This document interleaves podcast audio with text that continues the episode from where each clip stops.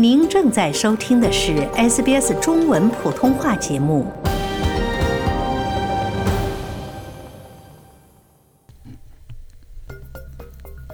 大家好，我是 Lauren 陈龙。本期 SBS 新闻快报带您快速了解欧洲旅行的最新入境规定。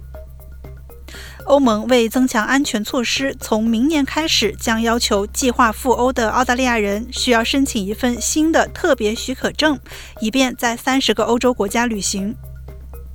从二零二四年起，澳大利亚旅客将需要向欧洲旅行信息和授权系统 （ETIAS） 申请才能入境。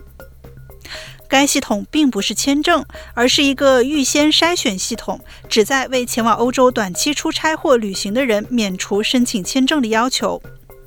包括澳大利亚、英国、美国、加拿大等六十三个国家的公民将需要获得 ETIAS 系统授权才能进入欧洲地区。如果您计划从二零二四年起前往这三十个欧洲国家中的一个或多个旅行，将需要获得该系统旅行授权。ETIAS 授权与您的护照相关联，因此旅客需要确保入境时使用的是申请该系统时相同的护照。然而，ETIAS 授权并不保证您可以无条件进入任何参与的欧洲国家，您仍然需要在边境通过入境要求。那么，如何获得 ETIAS 授权呢？当申请开放时，旅客将需要通过该系统的网站进行申请。申请者需要提供不少于三个月有效期的旅行文件，例如护照。该系统还将要求申请人填写个人信息，例如他们的全名、地址、护照信息、公民身份、教育及工作经验，甚至犯罪记录，以及他们打算访问的第一个欧盟国家和预计停留时间。ETIS 声称，大多数申请在提交后将在几分钟内完成处理，但某些申请可能需要长达四天的处理时间。ETIAS 旅行授权的有效期为三年，或者直到您申请时使用的护照到期为止，以先到者为准。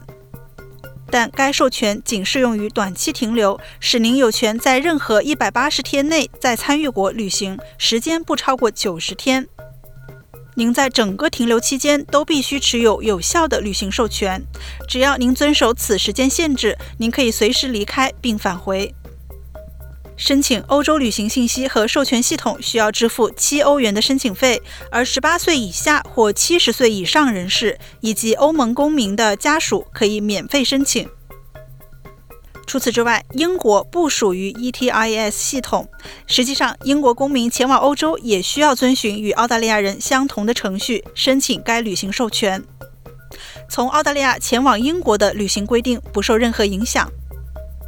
感谢收听本期 SBS 新闻快报，在任何播客平台搜索 SBS 普通话，点击订阅，开启消息提醒，即可了解澳洲国内外新闻及社区资讯。